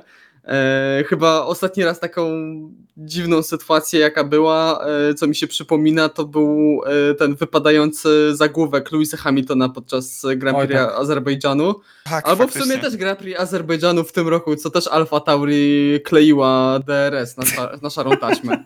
Tak. To było Co- co- piękne. Włoskie zespoły w skrócie. Ale e, no przedziwna sytuacja i wydaje mi się, tak wracając do wątku Mercedesa, że gdyby nie było tej sytuacji z Yukim Tsunodą, a e, była ta awaria e, Valtteriego Bottasa pod koniec, to wydaje mi się, że wtedy rzeczywiście mogliby, e, Lewis Hamilton mógłby wygrać ten wyścig, ale w przeciwnym wypadku e, nie sądzę. Po prostu Max Verstappen Znaczy, był Max mocny. Verstappen by pewnie wyjechał na świeżych, twardych oponach. E, Miałby przewagę, nie wiem, 20 okrążeń, jeżeli chodzi o opony w Mhm. porównaniu do Mercedesa, a wyjechałby jakieś, nie wiem, 10 sekund za nimi? Tak, tylko że właśnie, właśnie mówię o tym safety carze pod koniec, że po prostu wtedy Tak. Mercedes mógłby wymienić na nowe opony, e, o ile by to zrobili, nie wiadomo. Znaczy wiesz, brawa dla Russella za Tak. y, Inicjatywę. po prostu spryt i trzeźwość umysłu, tak? Bo to nie, był, nie była inicjatywa zespołu, tylko inicjatywa e, Russella i na dobrą sprawę, gdyby Hamilton e, zdecydował o tym, no to też by pewnie wylądował na drugim miejscu ostatecznie. Wątpię, tak, chociaż, chociaż ja się dziwię, że powiedział, że Lewis Hamilton tego nie wyszedł z taką inicjatywą. Mhm. Taki gdzie, doświadczony gdzie, zawodnik. No? Tak, raz taki doświadczony, dwa, który on praktycznie zawsze y, kwestionuje decyzje strategiczne zespołu, co oczywiście może irytować, mnie osobiście trochę irytuje, ale y, z drugiej strony też może działać tak pozytywnie na zespół, y, pod tym względem, że nie są zaślepieni w to, w to, że to, co oni wymyślą, to jest prawda objawiona i tak jedziemy, tylko że tak. kierowcy mają trochę inne E, inne postrzeganie tej sytuacji i otwierają się nowe wachlarze strategiczne. E, no ale tutaj jakoś Lewis przysnął, też e, ten restart nie był najlepszy w wykonaniu Louisa Hamiltona, bo ruszył strasznie wcześniej i dał praktycznie każdy możliwy prosty kawałek Maxowi Verstappenowi do tego, żeby go dogonić. Także no Dziwnie. Tak, no to trochę nie, dziwnie. Nie, nie, nie ta trakcja na starszych oponach tutaj też. Tak, tak, tylko nie, nie, o co chodzi mi, bo że on ruszył przed tym, e, tak. tymi dwoma e, prawymi zakrętami, tak, dwoma tak. ostatnimi, a na przykład... E... Nie, miał na trak, nie miał takiej trakcji na tych oponach na wyjściu, żeby móc faktycznie już uciec Maxowi, to się w pełni zgadza. Dokładnie. No, a po prostu... Ale może oglądał start w F2. Wiesz, tak, może, tak, może w ten tak, sposób. Tak, dzisiaj, dzisiaj była tragedia w F2. Liam Lawson chciał właśnie do ostatniego momentu w ostatnim momencie możliwym ruszyć e, po restarcie. E, no i z tyłu była, były wypadki, coś jak na Mugello w Formule 1 Ale dwa lata temu. To mnie jeszcze dziwi. No. To mnie jeszcze dziwi a propos Mercedesa, że tak, brak decyzji Luisa, żeby faktycznie zrobić to samo co Russell, tylko że Dziwi brak właśnie tak samo. Tak, brak ich decyzji z tego, a szczególnie dlatego, że widzieliśmy na tym samym wyścigu w dniu dzisiejszym, że Mercedes bardzo dobrze poradził sobie z podwójnym pitstopem, y, na którym stracił łącznie sekundę, prawda? Od takiego mm, uśrednionego tak. czasu pitstopu w tym sezonie. Także bardzo mnie to dziwi, ponieważ mogli, moim zdaniem byli w stanie to zrobić. Więc... No, oni, zro oni zrobili na dobrą sprawę Ferrari Silverstone. Tego roku. Trochę tak. No, to, no to, to, to, tak, tak, bliźniacza tak, sytuacja, naprawdę. Tak, a, a łatwo było temu, przynajmniej według nas, prawda, siedząc też przed telewizorami, no łatwo było temu zapobiec, e, ale tak plus dla George'a Russella, że faktycznie sam stwierdził, że, że to jest coś, co trzeba zrobić. I, i wyszło. No, no i fani Louisa Hamiltona przez ostatnie 10 okrążeń mogli się czuć jak tifozy przez ostatnie 10 lat. Także... Witamy w klubie. Już się witali z gąską, a tutaj nagle rzeczywistość okazała się bardzo, bardzo brutalna. No przykro mi, tak po prostu. nie, nie, naprawdę. Sprawa, tak? szkoda, szkoda, szkoda mi Luisa, bo to jest naprawdę chyba jeden najcięższy sezon dla niego w karierze. Tak serio mówiąc, bo kiedy jesteś przyzwyczajony przez tyle lat do wygrywania i nagle nie jesteś w stanie wygrywać, pojawia się ta szansa, jeździsz na pierwszej pozycji przez tam 20 okrążeń no to trudno nie być rozczarowanym, tak? Zwłaszcza jeżeli wyprzedzacie twój kolega z zespołu zaraz po neutralizacji. Ale też trzeba przyznać, że Luis po pierwsze no, zawalił trochę ten restart, e, zdecydowanie za szybko ruszył. E, po drugie, też miał kolejny raz przygodę na pierwszym okrążeniu, kiedy no, stuknął w Carlosa Sainza. E, no i to, to zachowanie przy, w sytuacji, w której wyprzedzał go Russell też nie było najlepsze. Tam bardzo mało brakowało, żeby jeden i drugi Mercedes odpadł i to była, była dopiero tragedia i to by była dopiero afera. Tak, no widać, że tak w ostatnim momencie faktycznie zorientował się, co robi i, i szybko wrócił na swoją pozycję, ale chyba nie spodziewał się tak szybko nadjeżdżającego Russella. No trochę zabrakło tej, tej percepcji. No dobrze, yy, to może przejdźmy dalej. Ferrari o, jest Ale tak Ferrari, już, pis, tak już Ferrari i pistolety. E, Ferrari i pistolety, dokładnie. E, coś, co się wydarzyło? Myślę, że Mattia Binotto powiedział, co się wydarzyło.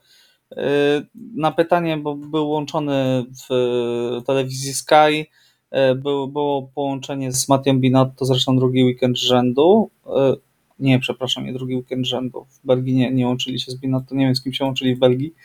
E, natomiast e, mniejsza z tym, e, zapytali go, co się stało w no, pit stopie Carlosa Sainza, co tam się wydarzyło. Bałagan. Okej. Okay. Dziękuję. Życzę miłego dnia, tak? Understandable, have a nice day. W ostatniej jest. chwili podjęliśmy decyzję, no i mechanicy się nie zdążyli przygotować. No to straszne. Głupia sprawa, nie uwierzycie. Dokładnie. Także... E, znaczy, no, po raz kolejny no, można zaczynać tutaj całą listę tej grzechów Ferrari. Może tego nie róbmy po prostu. E, ale myślę, że najlepszym komentarzem to jest e, właśnie tak jak generalnie zacząłeś Michał ten temat. Mamy kolejny wyścig i znowu zadajesz to samo pytanie. Ferrari, co się tam wydarzyło? I tak jest cały, No cały Ferrari się wydarzyło, no po prostu. Myślę, że myślę, że możemy niesamowita postawić kropkę. tego. Tak, dobrze, postawmy kropkę, nie, nie pasmy się już nad, nad Ferrari. Pierwszy E, wyścig. Dokładnie. Y, Alpin po raz kolejny. y, Bardzo dobry występ, mimo e, no nie jakichś wybitnych kwalifikacji, tak? E, Nando startował z 13 miejsca, ile dobrze pamiętam. E, Dojechali w punktach. Powiększyli znowu przewagę nad, e, nad McLarenem. No widać, że Daniel Ricciardo nie jest już jakoś strasznie zmotywowany do szybkiej jazdy, bo no skończył tylko przed e, Nicolasem Latifim. Więc no, Tam już chyba były jakieś testy twardego gumienia, kiedy zobaczyliśmy ten drugi stop w stosunkowo krótkim odstępie. Nie Mhm. pamiętam już z której okazji by, był pit stop Ricciardo, czy to faktycznie była bir- e, neutralizacja, jedna z, z, z kilku, czy, czy, czy, czy, czy standardowy pit stop, znaczy standardowy w cudzysłowie, ale no na pewno po samym początku wyścigu zespół chyba zade- zadecydował, że raczej sobie potestują niż pościgają. Tak. Tak, tak, widać było to zdecydowanie, że no, nie przebił się na starcie, więc nie ma za bardzo szans na tym torze e, przebić się do czołowej dziesiątki, więc potestujmy i zobaczmy, co będzie najlepsze dla Lando. I myślę, że taka sytuacja, biorąc pod uwagę też przewagę Alpin, jeżeli nie, nie zaczną nagle szalenie punktować i nie trafi się jakaś zeszłoroczna mąca e, McLarenowi, no to, to tak to będzie wyglądać mniej więcej. E, Wątpię, żeby Ricciardo tak samo jak odchodził z, na dobrą sprawę z Red Bulla, no to tam pod koniec już za bardzo walki z Verstappenem nie było, prawda Piotrek? Pamiętasz? Tak, tak, zdecydowanie. Ja myślę, że też e, tutaj może nawet nie tyle podejście McLarena, co też podejście samego Daniela Ricciardo może być takie.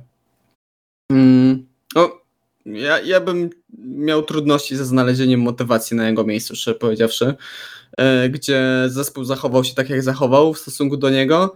E, I gdzie no, nie ma za bardzo perspektyw na przyszły sezon. Dzisiaj też było takie nagranie z e, parady kierowców, gdzie rozmawiał z Sergio Perezem i można było trochę usłyszeć, że mówi o e, roku przerwy i powrocie w 2024 ro- e, roku. Także no zobaczymy. Myślę, że tutaj Daniel Ricciardo nie jest zbytnio zmotywowany aktualnie, żeby walczyć o jak najlepszą pozycję dla McLarena w klasyfikacji konstruktorów i no, to, to będzie trochę bolesne, bo bardzo lubię Daniela Ricciardo, ale wydaje mi się, że takich obrazków do końca sezonu możemy oglądać coraz więcej, niestety. Mhm. Że będzie jeszcze gorzej niż było. Nie wiem, czy tak się da. E, Niż Do- było przed tym weekendem i generalnie wcześniej, przed tą przerwą wakacyjną. No, w, tym, w ten weekend nie wyszedł z Q1, no dawno nie było aż Tak. tak źle. no dobrze, to czy y, chcielibyście coś jeszcze dodać do tego wyścigu? Bo myślę, że aż, aż tak poza tą dramą na, y, na szczycie, tak i tą walką między Maxem Verstappenem a Mercedesami, to z drugiej strony też nie działo się tak strasznie dużo i nie było też y, za wiele tematów.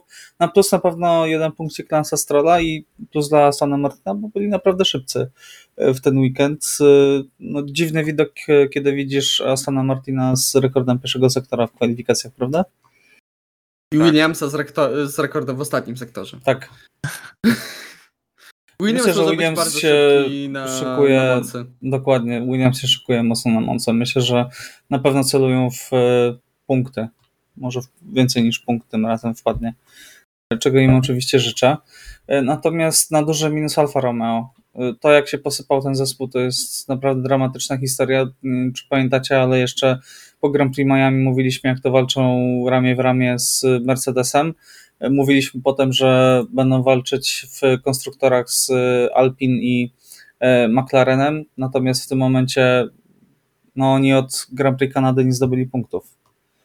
I mam wrażenie, że są nawet momentami najwolniejszym zespołem w stawce w tym momencie. Mogą się jedynie cieszyć, tak moim zdaniem, e, że zespoły za nimi mają jeszcze większe problemy, albo mają podobne problemy i też mają mm, kłopoty No, z nie zanosi się na to, żeby stracili szóste miejsce w konstruktorach, tak? Tak, dokładnie, bo nawet czy tam, e, czy tam Haas zapunktuje, czy tam e, Aston Martin zapunktuje, czy nawet Alfa Tauri, no to oni tam zdobywają po punkt, dwa, e, maksymalnie trzy, a aktualnie mają przewagę prawie 20 punktów nad Haasem, także jest to w miarę bezpieczne dla nich.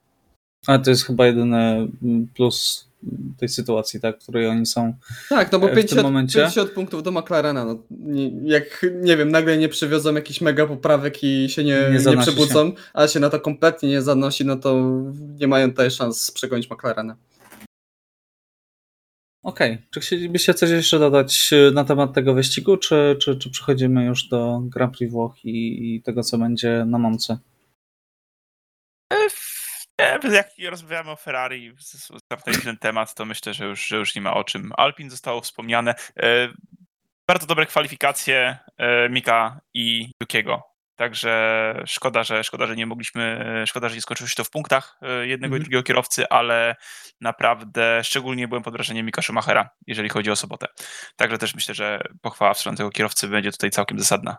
No i dobrze, że dzisiaj w trakcie wyścigu nie było problemów z solarami oraz Tak, z tak. gołębiami. No, Nie wiem, czy widzieliście z gołębie. Formuły 2. Tak, jest nagranie. Jest e, niesamowite nagranie, jak gołąb sobie po prostu idzie w toru, a kierowcy Formuły 2 próbują go wyminąć i koniec końców gołąb przeżył. Ale no, te gołębie na Zandvoort są, wspa- To nie, są nieustraszone, są bohaterskie, nieustraszone. Chciałbym być tak Ja mam wrażenie, że one. bardziej mają skłonności samobójcze. w tym raczej kierunku, kierunku szedł, a nie w- nieposkromione gołębie zandworskie. Nieśmiertelny. Tak. E, tak, dobrze, że nie było problemów e, z flarami, bo mm, już e, w Grand Prix Belgii były, była informacja, że są zakazane. E, O nie. Tak, dokładnie. E, No strasznie niedokładnie sprawdzali te mm, plecaki, e, chociaż i tak było ich dużo Nie, mniej, no ale to, co się działo po, po wyścigu i po wyścigu ja nie mam z tym problemu, tak? E, Niech odpalają te race, fajnie to wygląda, natomiast jeżeli się to dzieje przed wyścigiem na okrążeniu formującym, e, to albo są już w ogóle dla mnie kosmos, jakim trzeba być kretynem, e, żeby wrzucić flarę na, na tor, tak? Zatrzymać sesję. I zatrzymać sesję, tak? No to jest w ogóle szok. E, Jestem ciekaw, czy będą wprowadzone jakieś zakazy stadionowe, bo wątpię, żeby to było w tym momencie w Formule 1, bo nie było takich problemów po prostu. Mhm. W ogóle to jest taka bądź co bądź nowość w tym sporcie, bo wcześniej w ogóle nie było jakiejkolwiek pirotechniki na, na, na trybunach i dopiero właśnie to Holendrzy przynieśli, wprowadzili na dobrą sprawę. E, także ja myślę, że tutaj Formuła 1 musi dosyć e, intensywnie pomyśleć nad rozwiązaniem tego problemu, no i właśnie wprowadzać takie e, zakazy stadionowe, właśnie jak to wygląda w piłce nożnej na przykład, no żeby jak najszybciej eliminować takie osoby, które przychodzą takie rzeczy do głowy, no bo nie chcemy ich na trybunach po prostu. Okej, stawiamy kropkę, e, przechodzimy do Grand Prix Włoch. E, Czego się spodziewacie i e, jak stawiacie? Tutaj poproszę o kwalifikację wyścig i dnia. No, ciężko tutaj postawić na kogokolwiek innego niż na Red Bulla i Maxa Verstappena, biorąc pod uwagę, jak niesamowicie mocarny na prostych jest, jest Red Bull w tym sezonie. Oczywiście Monza to nie tylko proste, teraz też są bardzo ważne tutaj zakręty, ale no Nie ma ich zbyt wiele. raz nie ma ich zbyt wiele, a dwa Red Bull tam też jest mocny, także tutaj za, za wiele nadziei dla fanów Ferrari niestety nie ma przed tym weekendem. Czyli jak to było? Poczekaj, że Red Bull jest szybki na prostych, ale przynajmniej Ferrari jest wolne w zakrętach? Tak. Mniej więcej tak. E, Także no, ja stawiam na e, trzy, raz, trzy razy Max Verstappen tym, Okej. e, w, w tym weekendzie, ale myślę, że, e, że Charles Leclerc będzie na drugim miejscu. Bardzo odważnie, biorąc pod uwagę tempo wyścigowe Ferrari. E, Iwo? E, Mi się wydaje, że Leclerc odpali Leclerca w kwalifikacjach i tutaj może stanąć na pole position. Zwycięży oczywiście Max. E, Kierowcą dnia zostanie. Kierowcą dnia zostanie. Hmm, Esteban Esteban Ocon. Coś się stanie. Monza Okej. przyzwyczaiła nas do ciekawych sytuacji. Okej, dobra. Ja stawiam trzy razy Verstappen. Będę bardzo nudny, ale tak zerkam w tym momencie, jako że już y, mamy całkiem zaawansowaną fazę sezonu. Kto stawiał na konstruktorów, kto stawiał na mistrza. E, I tak, y, no, wygląda to ciekawie, bo ja stawiałem oczywiście na Leclerca i Ferrari. E, Iwo stawiał na Verstappena i Ferrari, a Piotrek na Hamiltona i Red Bulla, także tutaj chyba będzie remis. Każdy, każdy coś trafi, koniec końców. Tak, ale najwięcej wyścigów wygranych Piotrek stawiałeś na Leclerca, a ja z Iwo na Verstappena. E, A najwięcej kwalifikacji ja na Leclerca, ty, Iwo na Verstappena, Piotrek na Hamiltona. Także. Okej. Nie śmiejemy się w ogóle z siebie. A, a jak wygląda punktacja? E, Punktację muszę przeliczyć, jako że miałem awarię komputera przez ostatnie trzy odcinki i muszę to wszystko poprzeliczać jeszcze raz. Wymyślić. Co? Tak. Dobrze, nie przedłużamy. Dziękujemy Wam bardzo za uwagę. Życzymy Wam e, bardzo udanego weekendu e, na Moncy, kończącego ten potrójny weekend e, wyścigowy. A o Grand Prix Belgii i o Grand Prix Holandii rozmawiali Piotr Brudka, Dzięki wszystkim, cześć. Iwo Lubowski Dzięki, do usłyszenia. i Michał Brudka. Trzymajcie się, cześć.